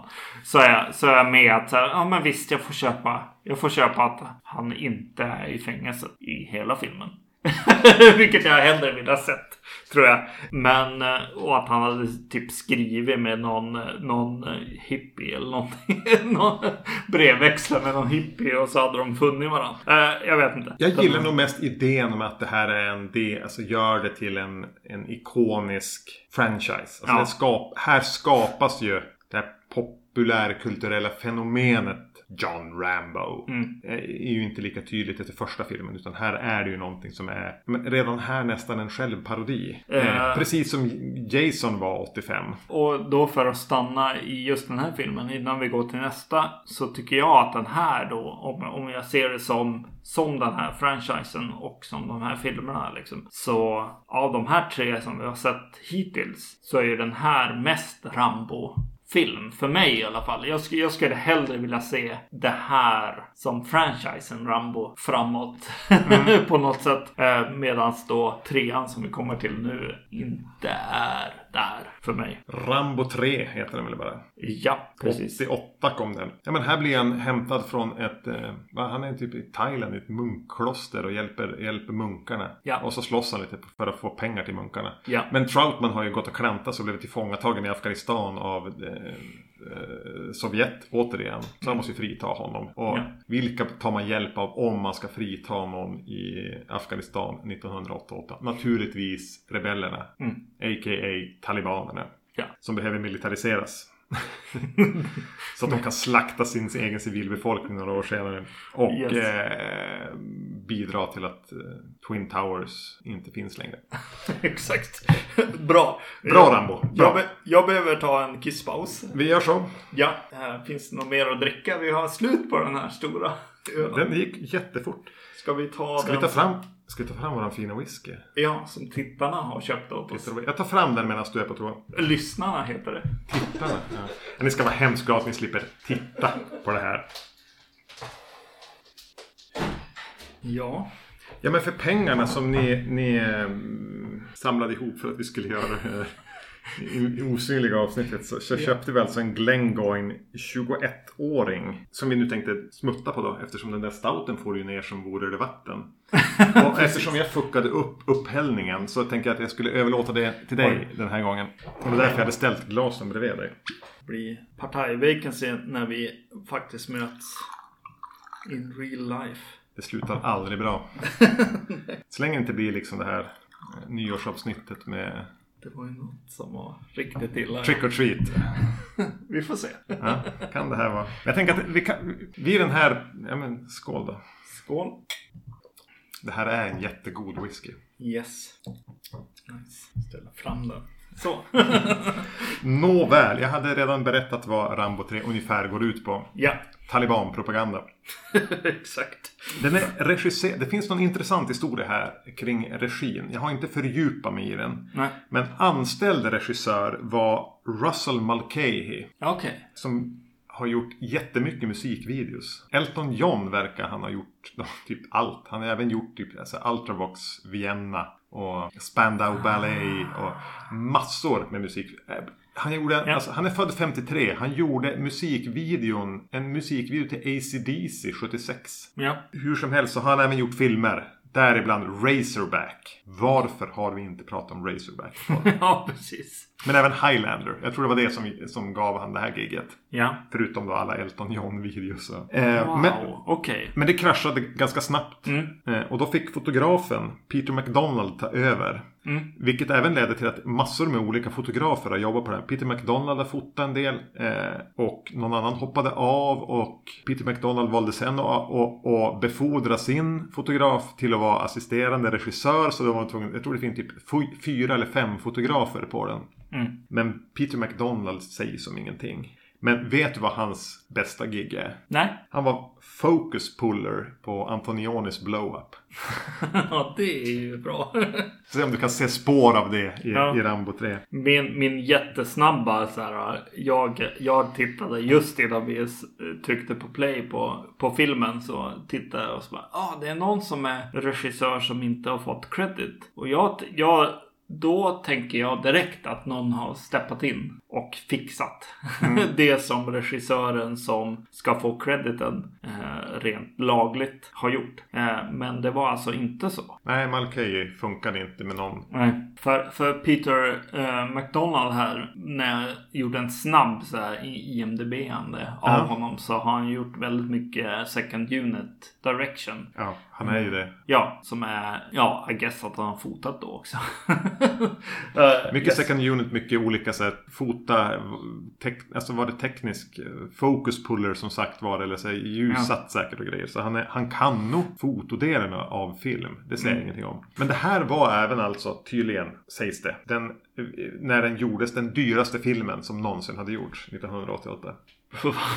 ja, okej. Undrar, hur, undrar hur mycket av de pengarna som gick ner i Sylvester Stallones ficka. Ja, Ja, alltså här börjar den ju då i... Eh, ja men de är i Thailand någonstans. Den Ja. in, det är inspelat i Thailand i alla fall. Det var det jag kollade. Vart fan är de och spelade in den här? Ja. Då stod det Thailand och så ute i öknen i USA någonstans. Och i Israel. Jag gissar att Thailand-scenerna är i början här. just det. Där han har typ, som sagt var och hjälper några munkar och sätta tak eller vad han håller på med. Och här tänker jag på, vilken, är det här eh, Hot Shots 2 eller vad, vad är jag nu? Det är ju väldigt svårt för han börjar ju, hela filmen börjar med en, någon slags Street Fighter Rambo här. Ja. Där han är med i någon, någon illegal eh, fighting-scen. Eh, och eh, slåss där. Och eh, definitivt så känns det som att vi är i en annan film. Vi är i parodin på något sätt. Och man vet inte om man kommer att börja doppa händerna i godis och sådana grejer. Liksom. Och gud, så jävla trist den är den där fighting-scenen. Ja, precis. Det, det enda jag tog med mig lite grann därifrån är ju att vad det, Stallone är rätt bra på att liksom göra illa sig och, även vara liksom så här psyko-arg. Jo, nej men eh, jag tänkte, kanske inte just där, men i den här filmen började jag tänka på, men hur är han som actionskådis? Ja. Vilket jag vet att när vi gjorde, det här var många år sedan, när vi hade våra, gick igenom lite Arnold-filmer på podden. Så tänkte jag att Arnold är rätt bra i action. Mm. Eh, och det är ju Stallone också, det måste man ge han. Även Ja. i fighting-scenerna, även sen. För han mång, mycket action i den här. Han är bra på det. Han är bra på att liksom springa runt med, med något maskingevär och titta rätt och flexa musklerna. Och gud, vad, gud vad mycket muskler han har här. Är Ja, det så, exakt. Är det som att ju äldre Stallone blir, desto mer muskler måste han ha. Jag måste börja gröta ihop mina notes. För vi har pratat så mycket om olika saker här. Eh, redan. Stallones muskler här är ju liksom. Ja, han har tränat som, som ett as och förmodligen tagit några piller och så. Och därför så tycker jag att filmens, liksom senare i filmen så har de ju satt han på en häst. Ja. Och jag tycker det är en fantastisk idé. att sätta just uh, Sylvester Stallone som actionhjälte. Som amerikansk actionhjälte. På en häst. För han blir ju både cowboy. Men han, blir, han är ju hästen. Han är ju den här ståtliga liksom eh, muskulösa liksom tingesten. Hade, de hade lika gärna kunnat sätta hästen på Stallone. Ja, exakt. Eh, det, hade är gått en, fortare. det är en otroligt bra visuell grej och, eh, och självklart så, så ska man väl göra liksom leksaker med Rambo med en häst och, och kniven och allt det liksom. det är mycket bra idé att sätta den, den här Sylvester Stallone på en häst. det är bara något jag måste säga. Den grekiska guden här. Ja, men lite så. Ja, jo, jo, det är lite porrigt på något vis. Ja. Men, eh, men här är, eh, om vi då lugnar ner oss lite grann Ja. här nu och drar tillbaks. så är han ju lite tillbaks när han är i, i munk här. Munk i princip. Han är Mm. typ deras vaktis. Tillbaka i det här introverta, brooding. Och då kommer ju Troutman dit och så har han tagit med sig. För att riktigt kunna övertala eh, Rambo här att gå med på ett nytt uppdrag. Han med sig Kurtwood Smith. Ja. Som bara står där och osar liksom CAI douchebag. ja. yes. Eh, jag mindes inte så mycket av det här så jag väntade mig liksom bara att det skulle visa sig att, att eh, Kurtwood bara har lurat både Troutman och Rambo i... Men, men det, han försvinner ju bara. ja. Han är där och typ står med solglasögon, tar av och på solglasögon och ser. Och är ju Kurtwood Smith och det förhöjer väl egentligen alla filmer. Eh, hans bara uppsyn. Och så kommer han till... För, för lyssnarna så har ni sett honom i eh, Robocop. Till Och exempel. That 70s Show. Ja. Jag satt och, jag satt och filosoferade vem, och, och, om Michael Ironside hade gjort sig bra bredvid honom. ja. Där har du en, en så här Tango and Cash-film att göra. Jo. Med, med Michael Ironside och... Eller det blir mer så här griniga gamla gubbar nu. Men alltså hade den kommit vid den här tidpunkten så hade det varit eh, bad guy-versionen av Tango and Cash. Med, Yes. med Kurtwood Smith och Michael Ironside. ja. Eh, men då vill han ju inte göra uppdraget. Han säger ju nej här. Han gör ju en, en Bronson då. Ja. Vilket av någon anledning då leder till att för Troutman, de ska hjälpa då några afghanska rebeller att... eh, För de har lyckats här, de har lyckats militarisera stora delar av Afghanistan mot Sovjet. Men det är en liten zon eh, där en extremt aggressiv sovjetisk general terroriserar rebellerna. Så de måste som dit och försöka hjälpa dem på något vis. Och, och, och Rambo säger nej, ja, nej jag orkar. Jag måste jobba med mig själv först. Ja tack, det, det måste du. Och då åker Troutman dit själv. Nej, Men dels får vi att han säger nej. Men dels att ingen har väl någonsin inbillat sig i de två första filmerna att, att Troutman, alltså kanske möjligtvis i andra världskriget, så såg han action. Men han, är ju, han tränar och han tar strategiska beslut och han, han är liksom en, en coach. Mm. Men inte fan ska han in och spela. Nej. Nej, det, det på något sätt pajar lite den karaktären. Och han är ju värdelös också. Han blir tillfångatagen på två sekunder. Ja. Vad trodde ni? Han är jättegammal. Det jag tänkte var, för han får nej från Rambo. Men vad- vad- vem var nummer två på hans lista? Alltså han, Rambo är ju inte en enda. Då gör jag det själv. Det är med någon man får se kort och så lite ung Ja. kille med nordafrikanskt utseende med lite fjunig mustasch. Var det där liksom nummer två på listan? Det var, det var lite det jag tänkte att så här, nu egentligen medan du pratar nu så att så, tänkte jag att här, nej fan alltså de skulle ha lagt lite mer energi där. De skulle ha låtit han rekrytera ett gäng och, Far dit.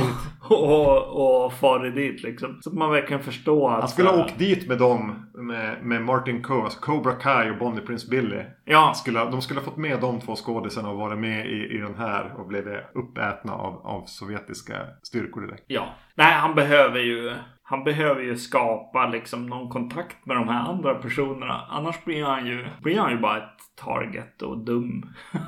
som åker. Oj, alltså vad gammal, vad, vad, vad Ja. trodde du gubbe? Exakt. Nej. Nej, det pajar lite grann Troutman-karaktären som jag ändå aldrig har varit speciellt förtjust i. Möjligtvis kunna acceptera. Mm. Eh, och sen kommer ju Kurtwood Smith då tillbaks och säger Jag tänkte bara att du ville veta att eh, det gick åt helvete. Mm. Din kompis är tillfångatagen. Ja men då åker jag dit. Va? Och han verkar ärligt förvånad. Ja, just det. Jag tänker ju liksom att man får ändå en känsla av att det finns lite, det finns lite kapacitet i den där hjärnan. Att han åker dit för att ja, vi vill ändå ha hem Troutman, han är viktig. Ja, vi lurar dit vi lurar Rambo. dit dum-Rambo. Men det verkar ju inte vara. Han verkar ju genuint förvånad över att han ändrar sig och vill gö- göra den här fritagningen.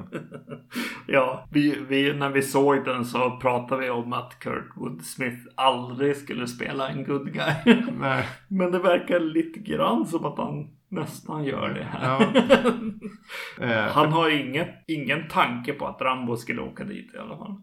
Låter det nästan. Nej, Ja. och han säger bara ja, ja alltså nog får du det. Men bara så du vet liksom, vi, det här blir helt inofficiellt. Ja. Ja, ja. ja. Du kan ja, få ja. en flygbiljett av Det är oss. precis, jag, jag ordnar. Men jaha, ja, ja, gör det. Gör vad du känner att du måste. Ja. Och så försvinner han ur filmen. Ja. Känns lite snopet. Mm. Just med tanke på ändå att det är en tyngre skådis. Det som händer här, eh, bara allmänt i filmen, är ju att det känns mycket, mycket mer som en serietidning. Den här filmen. Eh, det känns som att eh, de jobbar för att det ska kännas som en serietidning. Karaktärerna spelas av dem som du skulle bli inspirerad av ja, när du ritar karaktärerna i en serietidning. Lite så känner jag i alla fall. Att eh, här förstår de att det är barn som ser på Rambo-filmer. Så slänger vi in ett barn. Precis. Det här känns som när vi pratade om Robocop. Och trean kändes som julkalendern. ja, lite så. Det här, det här känns inte som en julkalender. Men, eh, för det jag tänkte var att ja, men det här känns mer cinematiskt. Det här känns större än Mm. tvåan. Tvåan är lite så tv-klaustrofobisk, Airwolf-klaustrofobisk. Den här känner jag ändå att det finns ett scope över de här afghanska bergen och så. Men, men, att, men att det är ganska futtigt det som är i det här stora scopet. Eh, det, var, det, det tänkte jag också på, men jag tänkte på det som... Jag tänkte så här bara, oj vad fina miljöer och så. Det är tydligt att den här filmen är regisserad av en second unit director. För att eh, den är som allra bäst när den eh, tar ett steg tillbaks och, och visar någonting som inte är viktigt för handlingen. på något De sätt. här majestätiska bilderna med de här karga bergen är Ja. ju det bästa med den här filmen. Ja, jo. Och ganska snabbt hamnar ju Rambo med de här rebellerna. Mm. Frihetskämparna. För det här, det här är ju också så här en del i den här anti-Sovjet-filmerna som ju kom. För att det var ett kallt krig som rådde här. Så det kan jag väl som... Mm. Tittar man på amerikanska filmer får man väl bara hacka i sig att, eh, att de hatar Sovjet. Ja. Men det är ju lite olyckligt så här i backspegeln. Mm. Att Rambo allierar sig med talibaner. Ja. ja, precis. Jo, särskilt för de här. Alltså, han är en amerikansk ikon. Ja. Och det blir ju extra jobbigt för amerikaner, I guess. Och det här är ju inte bara i, i, i Rambo-universumet som man gör det. Utan det här är ju faktum att, att eh, USA stödde ju Mm. eh, afghanska rebeller mot Sovjet. Ja. Med, med, med, med materiell, liksom militärt materiell. Eh, och, och på något sätt grä, alltså skap, skapade sin egen bane på något vis. Mm. Att de sen så småningom då utvecklade ett ganska stort hat mot. De hade finansierat och utrustat några som kommer hata dem mer än någonting annat. Ja. Jo, Karma. ja, exakt. Nej, men alltså, och det blir ju... Ja, det blir ju i backspegeln ganska löjligt. Alltså just att det, det, är så, det är så nära propagandafilm som man kommer på något sätt där. Ja, den är Eh, till och med dedikerad till stolta folket i Afghanistan. Ja, och eh, många av, vad ska man kalla, filler-scenerna som inte är actionsekvenser. De handlar ju om att Rambo får inblick i, i deras levande och liksom hur de, ja, hur de har det, vilka struggles de har mot ryssarna såklart. Men, ja, och, och så här, ja, vilka sporter de spelar och så vidare. Släpp geten i cirkeln. Ja. Eller vad det nu var. Det är väldigt mycket bara Sylvester Stallone som går omkring och lyssnar på vad det här handlar om. Vilket är väldigt nära andra propagandafilmer. liksom, på något sätt. Leni Riefenstahl gillade den här. Ja, Ehm, jo, ehm, jag tycker på något vis om man ska jämföra med Rambo 2 att den, den känns inte propaganda eftersom den är att dassa i något krig som sedan då, sedan länge var avslutat. Men det här Ja. var ju mitt i en blossande konflikt. Mm. Sovjet hade ju vid den här när tidpunkten när filmen spelades in ockuperat delar av Afghanistan och USA tyckte att det var problematiskt. Mm. Eh, Så det här är ju, alltså den har den här ganska sura lukten av propagandafilm. Mm. Mixat med liksom bara explosionskommers. Att Mm. man kan samtidigt tjäna pengar på det. Om den hade varit renodlad propaganda. Men den är även liksom en kommersiell propaganda som Mm. gör att den känns lite ännu lite un, mer unken. Men eh, det finns ändå ett par bra skådisar av de här. Ska vi bara vara så enkla att vi kallar dem talibaner? Ja. Jag tycker att, att de bästa skådisarna är där. Ja. Kanske framförallt en äldre man. Mm. Som liksom berättar för dem deras seder och hur det är. Inte den här som är med och skjuter mycket. Ja, han är bra också tycker jag. Ja. Men framförallt den här äldre mannen eh, tycker jag är... Men det finns ett, för, för mig ett litet nöje att se bara lite schysst skådespel från dem. Ja. För eh, Stallone skådespelar ju minst i den här. Här är det ju mer action poser, vilket han gör bra. Jag, jag tyckte det var kul. En detalj bara. Alltså nu har de gjort den här rys, ryska skurken. Eh, som eh, spelar schack där under en bild av Lenin va? Ja. Ja. schack. jag vet inte. Eh, Okej. Kan man vara mer Sovjet? Exakt. Men eh, han, för övrigt så påminner han väldigt mycket mig om, eh, jag vet inte om du vet vem det här är, men Paul Hollander, vet du vem, han- vem det är? Visst är det någon sån här svensk... Eh, Han var med i, tidigt i Robinson och sen gjorde han en dokumentär där han utnyttjade prostituerade i Riga. det känns väl rimligt. Som en, låter som en entreprenör. Han påminde väldigt mycket om honom. Och, eh, Hollander. Ja. Och eh, jag tycker att han är lite läskig också. Så att, eh, jag tycker han passar bra. Men det som jag tänkte mest på, på skurken. Jag tänkte på hur Rambo ändå har påverkat. Jag har jobbat på Just Cause-spelen. ja. Eh, och de spelen är stora open world-spel som tar evigheter att spela. Och det är väldigt mycket baserat ju- på explosioner och, och så vidare. Det är väldigt mycket Rambo. Ja, det är som en Rambo-film egentligen. Eh, Ja. ja, jag tänkte på, på de första två spelen som jag har jobbat på. Där vi hade lite problem med skurken. Att, att eh, antagonisten inte riktigt fick utrymme mellan liksom 10 timmar eh, liksom open world, bara springa runt spelande. Och så sen helt plötsligt dök han upp i en cutscene någonstans. Och så sen spelar jag i 10 timmar till och glömmer bort honom. Och så sen kommer skurken igen. Sätt Eh, han i en helikopter för helvete. Exakt, det var det jag kände nu. Jag bara Åh, så här kunde vi ha gjort.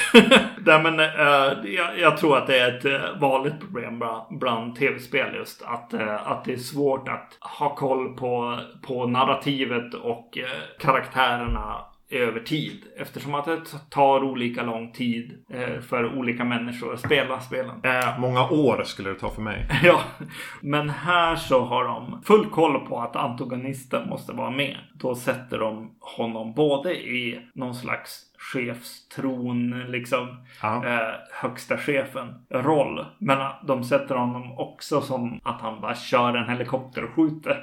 Men det gjorde ju även, även Steven Burkoff som, som sovjetisk general i förra filmen. Det är liksom en tradition här att Ja. man har någon slags här respekt för de sovjetiska generalerna. De satt inte och gömde sig. De satte sig i helikoptern och drog igång den här maskingevären. Respekt för dem. Är det så man ska tolka de här filmerna? En respekt för de sovjetiska generalerna. Eh, ska, ska vi bara stanna upp vid den här Jag kommer inte ihåg vad han heter. Jag tror inte han knappt nämns vid namn. Skurken här. Paul Eh, Hollander tror jag. Paul Hollander. Eh, otroligt överspelad. Ja. På ett ganska underhållande sätt. Lagom underhållande. Men skådisen heter Marc de, de Jonge. Marc de Jong. Han var fransman. Ja. Eh, och eftersom jag vill nämna en skådis och börja prata om honom. Vad, vad, vad, vad brukar det betyda? Att han dog alldeles för ung. Ja, just det. Han, han var född 49, så han var väl typ så här, knappt 40 när han gjorde den här. Men han dog 96 och hur dog han? Jo, eh, han hade glömt nycklarna när han kom hem. Så han valde att försöka klättra in i sitt hus. Och föll från andra våningen och dog. Ja. Nej, det är så man inte ska dö. Nej. Ja. Så jävla ont. Åk tillbaka och hämta nycklarna. Ja. Mark. Eh, men ja, han är lite skoj. Även om den här ryska dialekten blir väldigt rysk ibland. Jo men det är den här serietidningskänslan som man får i filmen. Och han, han hjälper ju definitivt till. Men eh, min favoritscen i filmen, jag hoppar till det. Det är det jag tänker är på något sätt lite ikoniskt Rambo. Det är när han kryper in i grottan där och Ja. har fått den här jävla jättes... äh, kändes fel. Han har typ fått ett gren genom njuren. Ja. Och trycker in ett finger ba in i sig själv. Alltså han, är han har ett finger långt inne i sig själv. Ja. Rambo trycker ut den här grenen och drar ut om det blöder. Och så tar han och hugger av liksom hylsan på en patron och fyller sig själv med krut. Jag vet inte om det här är en bra idé. Jag vet inte om man ska göra så här verkligen. Nej. Och sätter eld på det så det brinner liksom både framåt och bakåt. Det är ganska så här body horror-aktigt. Mm. Eh, Och väldigt oklippt kändes det. Jag reagerade på det. Men oj, fick det här vara kvar? Det här, Han sitter liksom och, och nästan så njuter av att plåga sig själv på något vis i en grotta. Eh, det, det tyckte jag var, var lite fränt ändå. Ja, det här är ju vad man minns mest som, som eh, ung grabb. Det här var skolgårds, skolgårdssnacket. Så här, Ja. Bränner ihop sår. Ja, jag tror Ja. man bränner ihop dem. Man kanske rengör dem. Ja, nej absolut. Det var skittufft då och nu när jag satt och såg det så var jag verkligen inne i så detaljer. Bara, vad, vad är verkligt? Vad är han? Vad är inte han? Och hur klipper de? Och så vidare. Eh, men det är en snygg sekvens. Ja. Helt klart. Ja, det är nog många, många som har gjort det här misstaget sen. nej, jag vet inte. Man fick en sticka Jag skulle ha gjort det.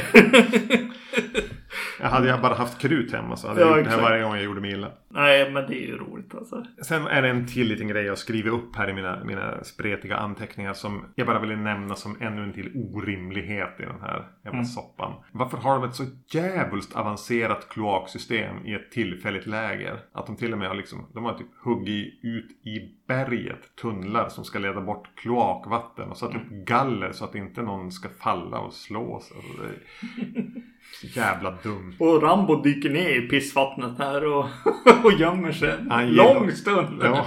Och gottar sig där. Och det här är innan han bränner fast såret. Jag tyckte det var, det var nog en bra idé att rengöra det såret ordentligt med tanke på hur mycket sovjetiskt baj, kiss och bajs han har i. De är jättetydliga med också innan den här sekvensen och presenterar kloakerna. Och det De pratar även så här avloppsvatten, vad heter det? Kloaker? Ja just det, kloaker. har. kloak, just det, bajs och kiss ja, just det. Eh, ja, min största är så här. Min största takeaway på något sätt är ändå så här. Ja, tänk att han hamnar här efter First Blood. Tog han ända till Afghanistan? ja, jag tänkte att han kanske skulle, ja men hamna i botten på en flaska eller ligga under en bro eller någonting. Det, det var vad jag tänkte. Möjligtvis på kåken. ja, exakt. Om man inte satt i fängelset. Ja. Ja men du minns att när vi pratade om First Blood så och, och, och alldeles i början när han söker upp den här, letar efter sin gamla militärkompis. Minns nu hans fru eller mamma? Mm. I andra filmen har vi Cow här. Mm. I den här filmen så finns det två kvinnor som han släpper ut ur en cell. Mm. Det är de fyra kvinnor som är med i de här tre filmerna. Ja. Jag tänkte att Bechteltestet här och käpprätt åt helvete. Ja. Alltså jag var inte...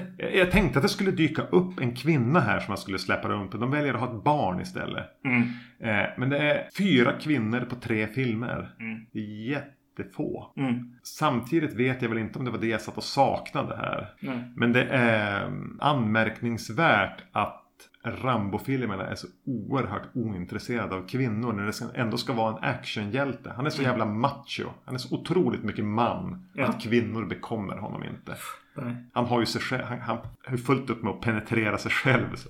Ja, det är sant. Jag tyckte inte alls om Rambo 3. Nej, jag tycker inte om den heller. Eh, en av, en av eh, huvudgrejerna tror jag för mig är att, som vi inte har nämnt än, är att jag tänker att Stallone har varit med och skrivit ännu mer här och valt att göra fyndig dialog i filmen. Att de ska säga roliga saker och så sen ska Rambo vara den som är lite rolig och komma med, med roliga comebacks när, eh, när någon säger någonting. Eh, det tycker jag inte alls funkar ihop med hans karaktär.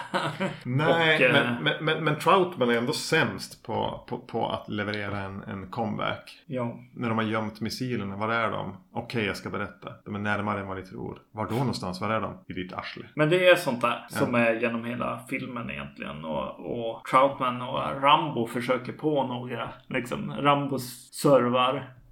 Nej, eh, Troutman servar. Eh, Rambo får och. Rambo ska, ska leverera punchlinen. Och, och jag tror att det är fel ordning eh, definitivt. Men också att inget av det skulle ha hänt.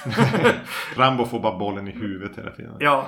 Shane Black kanske skulle ha tagit varv med det här manuset. Ja, nej. Nej, helst inte. Det, det, det mesta jag började tänka på var just att så här, ja just det, Rambo är Rambo. Rambo är inte Sylvester Stallone. Jag kommer tillbaks till det liksom med Arnold och va- varför var Arnold sån ikon för mig? Och det var nog det, att, att de fick heta så. Jag menar, Matrix, Commando Part 2 har ju inte kommit direkt. Än. Nej, en ja, precis. Men nej. Alltså jag blir mest trött på de här eldbollsexplosionerna. Jag är Ja. inget stort actionfan, nej. Jag blir ganska fort uttråkad av action. Action måste vara på topp Mm. Ja. för att jag inte ska tröttna. Och den är tyvärr inte på topp här. Nej. Alltså det är ingen spänning, det är ingen fysik i det utan det är mycket eh, Stallone som visserligen gör ganska schyssta actionposer och så är det stora så här, bensinbombs Ja. flammoln. Och eh, en, en slö plott. Alltså det här är en propagandafilm. Den förra vet inte fan, det var ett avsnitt. Jo, men just den här ljus... Ja, alltså att ljussätta en film med explosioner. jag vet inte. Det, jo, men alltså, jo, det är lite kul liksom. Men det är jobbigt att... Ja, ja så, så kanske jag tänker lite grann. Att så här, ja, men det är coolt att det är lite kul att så här, ja, nu sprängs en massa grejer och det är därför jag kan se överhuvudtaget vad som händer. för det är ljuskällan. Det är lite fränt på något sätt för en actionrulle. Ehm, Men jag, jag fastnar för mycket på första filmen då. Jag, jag blir så här bara, men, men vadå? det här går ju inte. Den här personen kan inte göra de här grejerna nu. Nej, Det går inte ihop. Eh, och det är väl kanske lite orättvist med tanke på att kanske Rambo inte skulle överhuvudtaget. Liksom, vi skulle inte haft det här avsnittet om bara First Blood hade funnits. Jo, kanske tillsammans med typ Southern Comfort. Southern Comfort, ja. Ja, kanske eventuellt. Eller så hade den bara försvunnit i, i ja men som den där eh, arm wrestling filmen han gjorde liksom. Ja, det var en till Stallone-film. ja. Han, han Rocky, du vet. Ja, ja, gillar inte trean. Tvåan är så här, häl, halvt, hälften är bra. Mm. Jo, men jag är helt med. och första är bra nog. Absolut. Den kommer jag säkert se igen. Och så kanske en till gång. jag vet inte, det är någonting Det har mer. ju kommit en sån här 4K eh, Blu-ray på den. Ja. Så den kommer du ju att köpa nu när du hörde det. Nej, Jo. nej, Jo. inte den. Ja, men ändå. Alltså, det är ju någonting med filmserier. Jag är svag för dem. Jag har inga Ja. problem att bara hacka mig igenom Rambo 1. Om vi nu får kalla den för det. 2 och 3. Och vi kommer ju att fortsätta då i nästa avsnitt Ja. med, med, vad hette den? Hette den? Rambo? John, John Rambo. Ja. Och så Last Blood. Ja, Rambo. Last Blood. Ja. Det blir nästa. Plus en film som ni lyssnare har valt utifrån några av våra alternativ. Så det blir, det blir skoj. Jag är ganska peppad ska jag säga redan nu på att se om, eh, vad heter den, John Rambo. Ja, det är ju Den från varför 2008. jag sa när du sa så här, ja men sommar, vi kanske ska göra Rambo. Det känns ju lite somrigt. Ja. Ja, det är för att jag har varit sugen på att se om fyran. Och femman har jag inte sett. Mm, det har jag. Ja men eh, hoppas ni uppskattade våran eh, dikeskörning här med, med de första tre Rambo-filmerna. Vi kommer att sladda ner i andra diket eh, i nästa avsnitt. Ni vet var vi finns. Vi finns på Spotify, vi finns eh, på iTunes, pod, andra podcastleverantörer. Vill ni höra av er till oss med era egna upplevelser, synpunkter, tankar kring Rambo så gör det antingen på Facebook eller på podcast at vacancy.se. Vi finns även på Instagram där jag heter Erknym. Och jag heter Zombie-Magnus. Det var nog allt. Yes. Nu ska jag eh, dricka upp det sista av den här Glengoynen. Så säger vi tack för att ni lyssnade och adjö. Adjö. Skål.